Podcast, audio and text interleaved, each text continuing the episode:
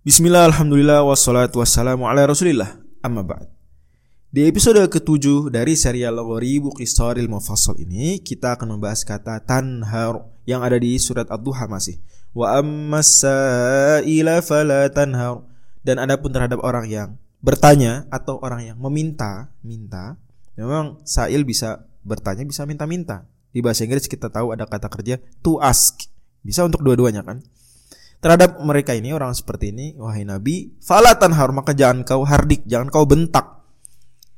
Ya.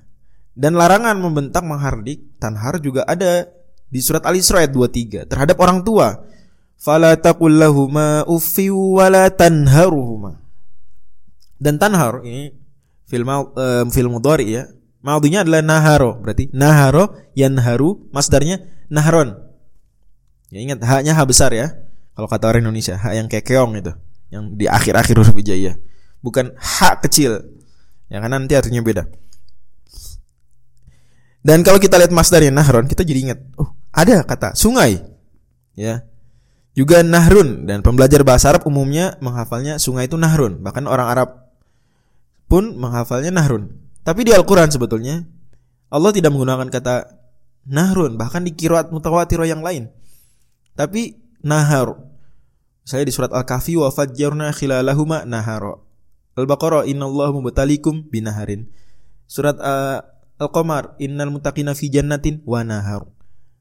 Dan memang kata Al-Imam Az-Zabidi dalam Tajul Arus dan penting diingat bahwa meskipun serial Ghoribu Qisar Mufassal kita merujuk utamanya kelima buku yang sudah disebutkan di episode 1 tapi namanya rujukan utama berarti bisa juga kita merujuk yang lain dan di antara rujukan yang sering dirujuk juga walaupun tidak harus selalu adalah Tajul Arus ya karya Al Imam Az-Zabidi. Kata beliau bisa nahrun bisa nahar memang sungai itu.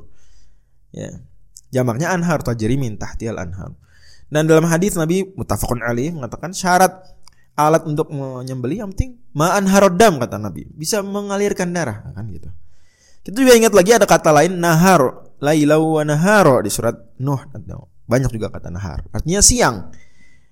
Hubungannya apa sih? Memang makna istiqokinya kata Al-Imam Ibnu Faris adalah bahwa terbukanya sesuatu, terbuka. Jadi sungai itu ya berarti ada eh, bagian bumi yang terbuka sehingga air mengalir di situ. Siang juga terbuka seolah-olah tadinya malam itu gelap tertutup kemudian siang itu terbuka. Ya. Apa hubungan dengan tanhar membentak menghardik seolah-olah suaranya jadi lantang, mata terbelalak, ya dan mengagetkan. Wallahu misal.